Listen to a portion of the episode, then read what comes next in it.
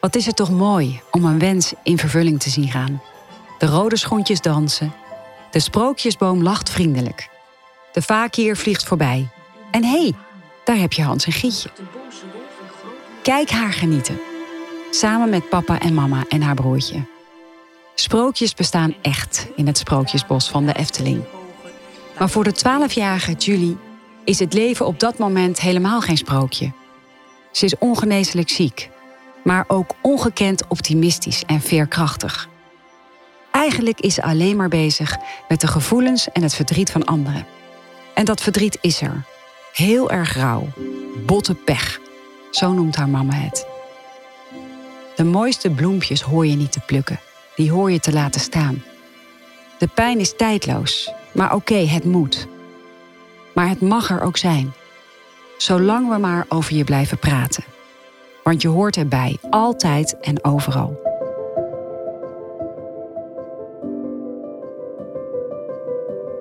Ik ben Wendy van Dijk. En praten over dit bijzondere meisje doe ik ook. En dat doe ik met wensvervuller Menno. Dit is het levensechte verhaal van Julie.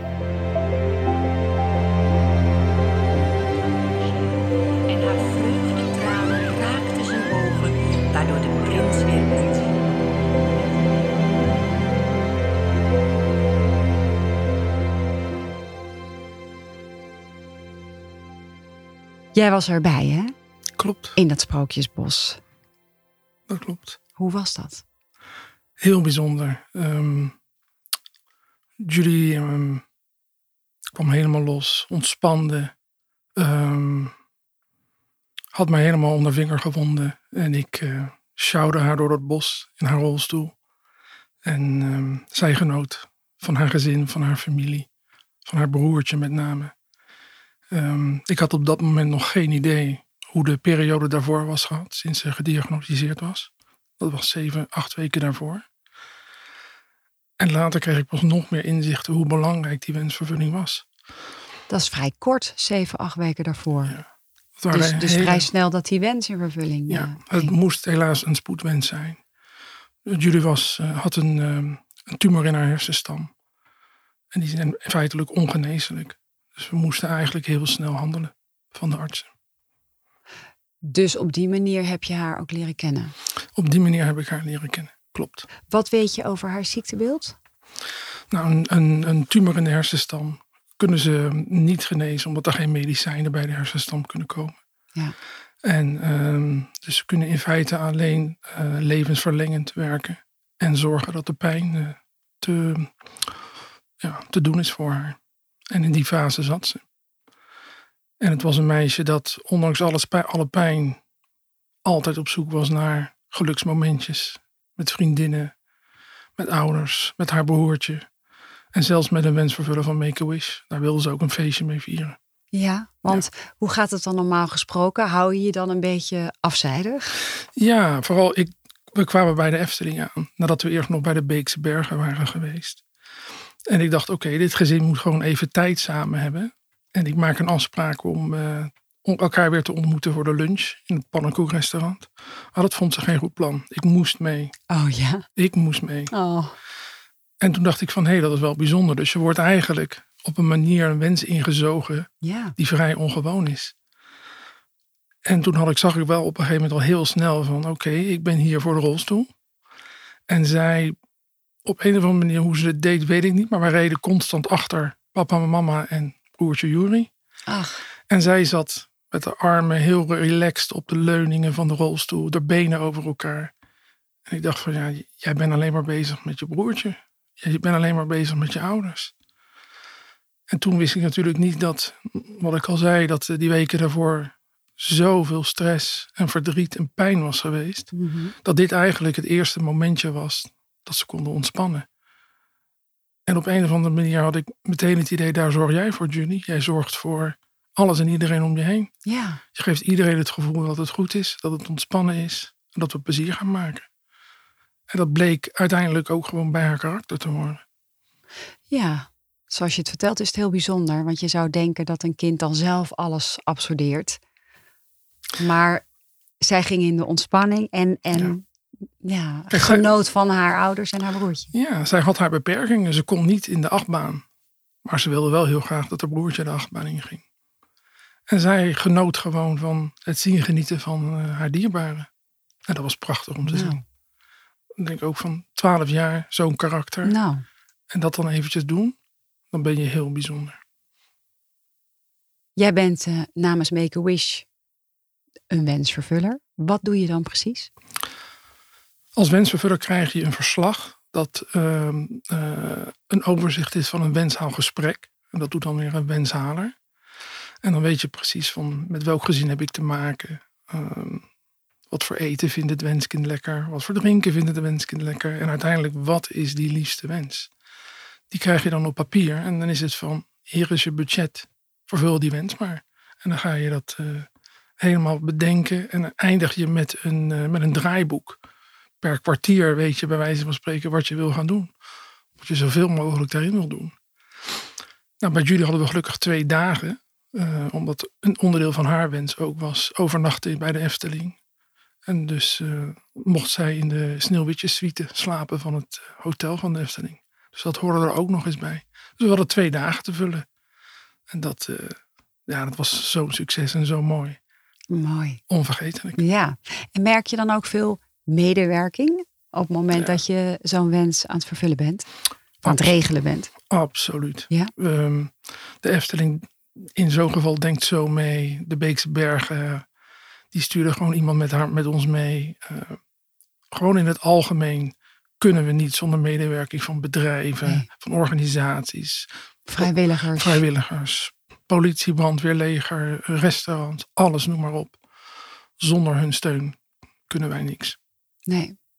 Fijn is dat. Dat je merkt dat de deuren open gaan en dat mensen bereid zijn om te helpen. We doen echt een beroep op, het, eh, op het hart van mensen. Ja. En ja. dat, eh, dat lukt over het algemeen heel erg goed. Hoe ben je ooit begonnen? En, en wat betekent het werk voor jou? ik wilde op een gegeven moment wat meer betekenen voor de, ja, voor de samenleving. Iets gewoon naast je normale werk. Wat was je normale werk? Ik werkte voor, eh, ik heb veel voor politieorganisaties gewerkt. En ehm, ik ben dan, zoals dat heet, criminaliteitsanalist. En tien jaar van mijn werkperiode heb ik gewerkt met ehm, kinderen die seksueel misbruikt zijn. Onderzoeken daartegen. Dus toen ik op een gegeven moment dacht, ik wil wat anders doen, ik wil iets daarbij doen, moest het wel met kinderen te maken hebben. Een bepaalde steun kunnen zijn, iets kunnen betekenen voor kinderen. Ik kende eh Doe en Wens, zoals dat toen nog heette. Ja. Uh, bij mijn ouders lag vroeger het krantje. En eh, dat is eigenlijk de eerste stichting waar ik op ging zoeken. En dat bleek, toen, bleek toen al Meco is Nederland te heten. Ik heb gesolliciteerd en ik werd vrij snel aangenomen. We hebben niet zoveel mannen, maar ze zijn er wel. Mhm. En ehm, dat was tien jaar geleden. En ik doe het nog steeds met heel veel liefde. Ik ben ook teamleider eh, in de regio Haaglanden. Dus ik vervul momenteel iets minder wensen, maar werk veel op de achtergrond. Met alle collega's eh, die wensen halen, wensen oppakken, mooie foto's maken, zorgen dat we goed communiceren. En eh, we hebben een fantastisch team om dat te doen. En wat betekent het voor je? Want je zegt, je zei hiervoor al, ik wilde iets meer betekenen voor de maatschappij, voor kinderen in het bijzonder. Wat doet het met jou persoonlijk als je hiermee bezig bent? Nou, de, de doelstelling van Make-A-Wish Nederland is een kind uit, even uit zo'n ziekteproces halen. En ik heb echt gewoon gezien, dat werkt echt. Ja. Dat werkt. Een kind knapt ervan op, krijgt er energie, krijgt er kracht van. En als je dat ziet, ja, dan voel je je gewoon heel blij Ja, dat het, eh, dat het toch weer gelukt is. We hebben één kans om het goed te doen, hè? Zo'n wensvervulling. Ja. Het moet gewoon meteen goed gaan. Dus daar zit heel veel eh, sparren met elkaar over. Heel veel nadenken, plannen uitwerken. Alles heel nauwkeurig doen. Want we hebben maar één kans. Ja, en als je dan ziet dat zo'n kind echt gewoon even straalt, blij is. En eh, ja, dan denk je van, boem, die hebben we binnen. Dat hebben we gedaan. En niet alleen het kind, maar vooral ook de, het gezin eromheen. Het gezin. We denken altijd aan broers, zussen. Ehm, soms zijn opa's en oma's heel belangrijk. Ehm, de ouders. Iedereen die in zo'n situatie terechtkomt. Gaat een vreselijke periode. Heel veel onzekerheid, angst. En op een of andere manier lukt het toch gewoon ons elke keer om dat heel even weg te nemen. En dan hebben ze vaak, kinderen vaak ook weer moed om de strijd weer aan te gaan die ze moeten leveren. Ja, dat is gewoon zo nuttig en zo fijn eh, om te doen, om te mogen doen.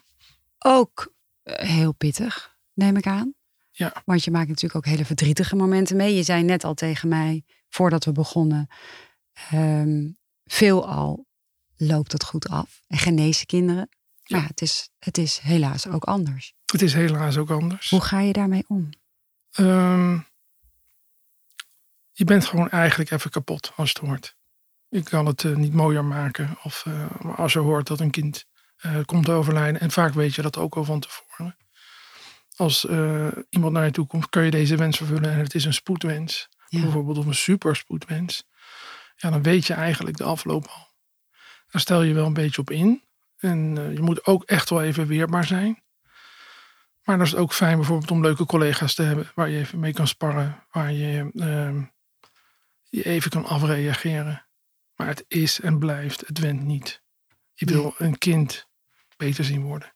Dat, zou, dat is gewoon wat we willen. Ja, En als dat niet lukt, ja, dan ben je gewoon echt even, even van de kaart. Dat is heel normaal. maar het weerhoudt je er niet van. nee, Want uiteindelijk wil je toch dat, dat zo'n kind en dat gezin zoiets moois beleeft. Nogmaals, het, het werkt. De doelstelling van Make-A-Wish werkt echt. Ik heb het zo vaak gezien. En ehm, kijk, we hebben het nu specifiek over de wens van Julie. In de jaren daarna zijn er zoveel tekenen geweest. Ondanks haar overlijden, dat ehm, de wens gewoon belangrijk was voor het gezin en voor de familie. Ze vergeten het niet. En dat is mooi. En we brengen dan uiteindelijk hele mooie herinneringen. Hoe de afloop van de ziekte ook is. We brengen wel hele mooie herinneringen, mooie momenten. Daar doen we het voor. In elke aflevering hebben we normaal gesproken een mand met persoonlijke spulletjes die het verhaal vertellen van een van de wenskinderen. Maar in deze aflevering hebben we slechts, nou ja, slechts één heel bijzonder voorwerp. Dat is namelijk jouw manuscript. Ja. Wat kun je daarover vertellen? Om het even terug te nemen naar de wens van Julie. Ehm, ik heb op een gegeven moment bijvoorbeeld een heel mooi fotoboek gehad. Wat zij hadden samengesteld. En dat was 2,5 jaar na haar overlijden. Ehm, zij hebben ook een fondsenwervingsactie gedaan voor Make-A-Wish.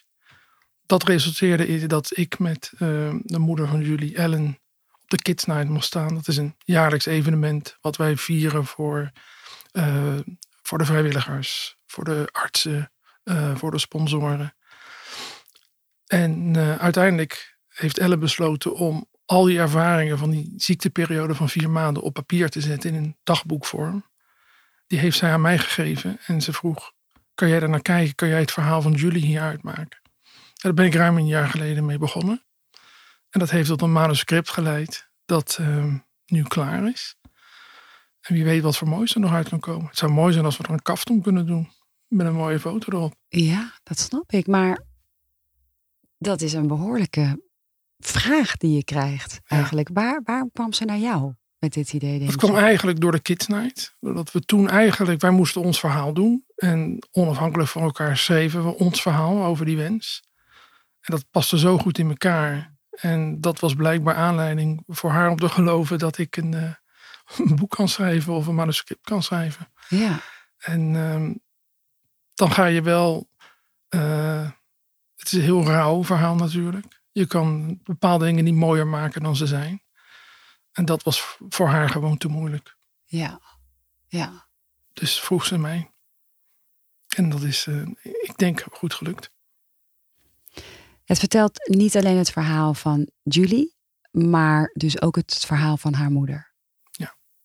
Waarom wilde zij zo graag dit boek? De periode dat dit ging spelen, en dat was eigenlijk vijf jaar na haar overlijden, kwam ze echt in een, in een fase terecht dat het leven echt heel zwaar werd. Dat ze echt, eh, ja, ik noem het het monster in de bek is gaan kijken. Hmm. En ehm, ze heel veel moest doen om op de been te blijven staan. En voor haar was schrijven dan ook een vorm van therapie, zeg maar. Ik wil echt weten van wat is er gebeurd. En dan kom je er inderdaad achter als je dat zo op papier schrijft.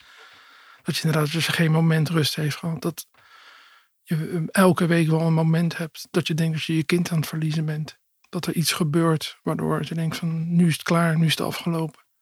En ehm, dat, de stress die dat geeft en de pijn en het verdriet, dat is gewoon enorm.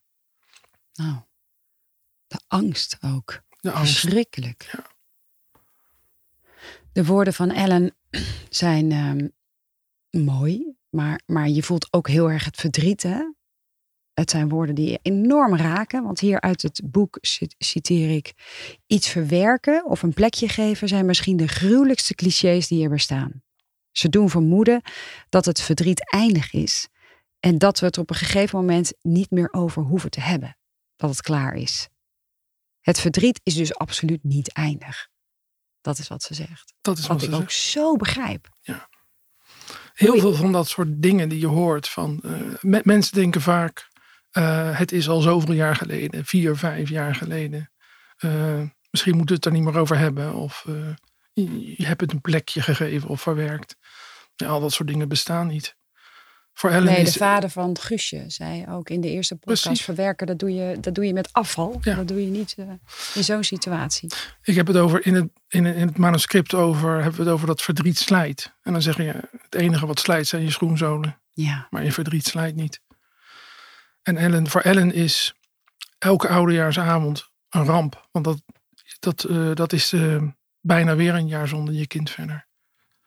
Tijd hield geen wonden. Ehm, je moet echt, eh, je verandert zo als mens. En daarin moet je zorgen dat ehm, het kind dat je kwijt bent geraakt, er toch op een of andere manier een plek vindt waar je over kan blijven praten. Altijd.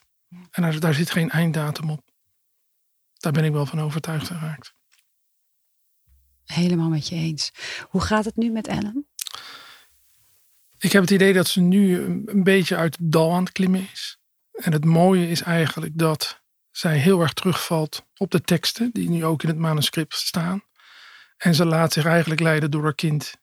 Er zijn prachtige gesprekken die hebben er plaatsgevonden, die ook allemaal uitgeschreven zijn. Mhm. En dan zie je dat Julie gewoon erop staat dat moeder verder gaat met het leven. Dat het gezin verder gaat met het leven. Dat het broertje verder gaat met het leven. Dat is belangrijk. Ze zegt op een gegeven moment, je viert wel je verjaardag hè, die eraan gaat komen.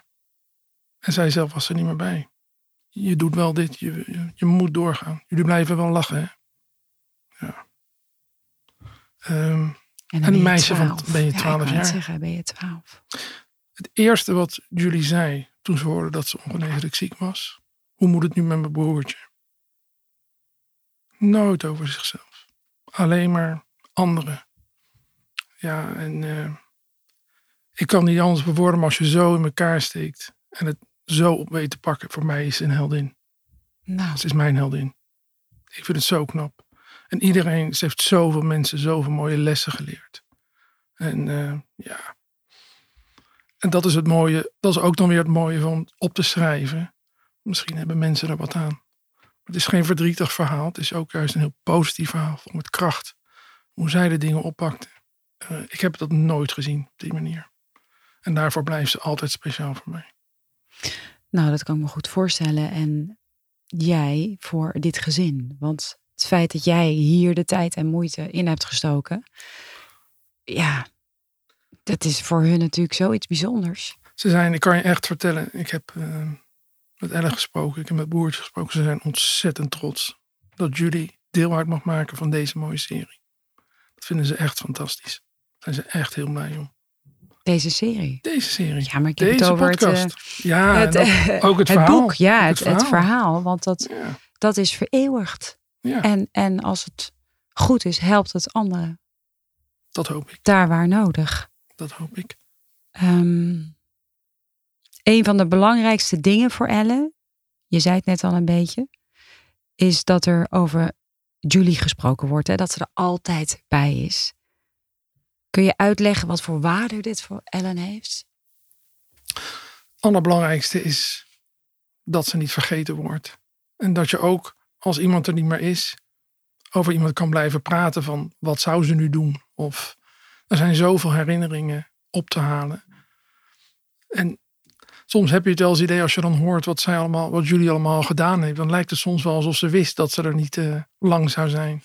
Oh ja? Ze heeft alles, alles geleefd. Eh, zoveel vriendinnen gemaakt. Iedereen was graag bij haar. Ze sportte heel graag. Ze... Altijd lol. Elke dag was een feestje. Tijdens haar ziekteproces ging zij zelf soms ook stukjes schrijven op papier. Die heb ik mogen lezen voor het manuscript. En het, elk stukje van elke dag eindigde hetzelfde. Vandaag was weer een topdag. Dat meen je niet. Dat is ehm, wat mijn vader ook altijd zei. Echt waar? Ja. In, eh, in zijn eh, ziekteperiode. Die is overleden aan kanker op 63-jarige leeftijd. En die deed dat eigenlijk ook voor zijn omgeving. Maar ook omdat hij het zo voelde. En dan zei hij altijd... Vandaag was weer een topdag. Een kracht heb je dan, hè? Ja. Dat En dat helpt enorm natuurlijk voor de omgeving. En daar moet je ook wat mee. Als je daarmee in aanraking komt, vind ik. Ja, Je moet daar wat mee. Je, je kan altijd je leven een beetje aanpassen en veranderen. Waardoor het beter wordt. Maar als je dit soort ervaringen hebt, dan moet je er gewoon wat mee. ja. Al is het uit ere van, in jouw geval je vader. In mijn geval van, eh van Jules. Dan moet je gewoon wat mee. Dat is de les die ze leert. Maar dat lachen en feestjes blijven vieren, hoe doet Ellen dat dan? Ze knokt zo ongelooflijk hard. En ze probeert het echt. Ze, ze is er nog niet. Maar ik weet zeker dat ze er uiteindelijk gaat komen. En uiteindelijk zijn het die, die teksten van, eh, van haar eigen dochter die haar naar naartoe zullen dragen. Daar ben ik van overtuigd. Het is, eh, ja, het is mooi om te horen. Die pogingen, die, die, ze is zo aan het vechten. Ja, Om, eh, ja, ze wil eigenlijk, en dat zal ze en dat kan ze ook niet. Maar je, hebt dan uiteindelijk toch het gevoel, je wil je dochter niet teleurstellen. Dat zal ze nooit doen. Maar ik snap wel wat je denkt. precies. Ja. En dat zal misschien in momenten lukken, op het moment dat je zo vervuld wordt van liefde voor Julie. Ja. Dat het je, ja, dat zal de glimlach veroorzaken. Ja. Na al die jaren inzet ehm, voor Make-A-Wish, Menno. Wat is jouw persoonlijke en belangrijkste boodschap? Pak, pak elk moment eh, van genieten. Pak het beet en eh, strip het helemaal en geniet ervan en leef het. Ehm, ik heb geleerd dat ehm botte pech en mazzel heel erg belangrijk zijn in het leven. Nou, Je hebt, je, je hebt het allemaal niet in de hand. nee. En je hebt er ook niks over te Je zeggen. hebt er geen bal over te zeggen. Dus je moet echt gewoon dat soort momenten pakken. Dat probeer ik in ieder geval eh, zelf ook te doen. En daar. ehm, ja, ook zij is mijn leidraad daarin. Ook Julie heeft dat voor mij eh, armen en voeten gegeven, laat ik het zo zeggen. Dus eigenlijk dat wat je voor ogen had voordat je dit werk ging doen. Of hè, voordat je opgaf als eh, wensvervuller. Had je dit wel in gedachten. Ja. Toch? Dat je zo zou voelen en dat je dit hiermee bereikt. Het was mijn doel ook om, om dat te doen. En ehm, het is gewoon in heel veel gevallen heel erg goed gelukt. En daar ben ik gewoon blij op. En dat is niet alleen mij, hè. Nee, tuurlijk. Het zijn, eh, je, je werkt altijd samen. En wat ook wel eens niet ge- eh, genoemd wordt, zijn de mensen van kantoor van Make-A-Wish. Die ontzettend met je meedenken, ook dingen moeten regelen voor je. Ehm, en het is die samenwerking tussen kantoor, vrijwilligers. Ik kan als wensvervuller niks als het wenshaalverslag niet goed is. Dus dat moet ook helemaal top zijn. Ja. Iedereen, eh, we hebben ook fondsenwervers, die weten waarvoor ze die centjes naar binnen halen. Want het moet allemaal betaald worden Mhm. natuurlijk. Het is een, wat dat betreft echt een geoliede machine. En ik ben daar gewoon één onderdeeltje van. Maar ik mocht wel bij dat soort wensen aanwezig zijn. Maar ik zal nooit vergeten waar het allemaal vandaan komt. En wie er allemaal eh, aan meewerken. En dat is eh, kantoor, dat is vrijwilligers. En Ja. dat is een prachtige samenwerking. Mooi team. Mag ook wel eens gezegd worden. Maar gelukkig ben jij onderdeel van dat mooie team. Ik ben gelukkig een onderdeel daarvan, ja. Dank je wel voor dit gesprek. Alsjeblieft.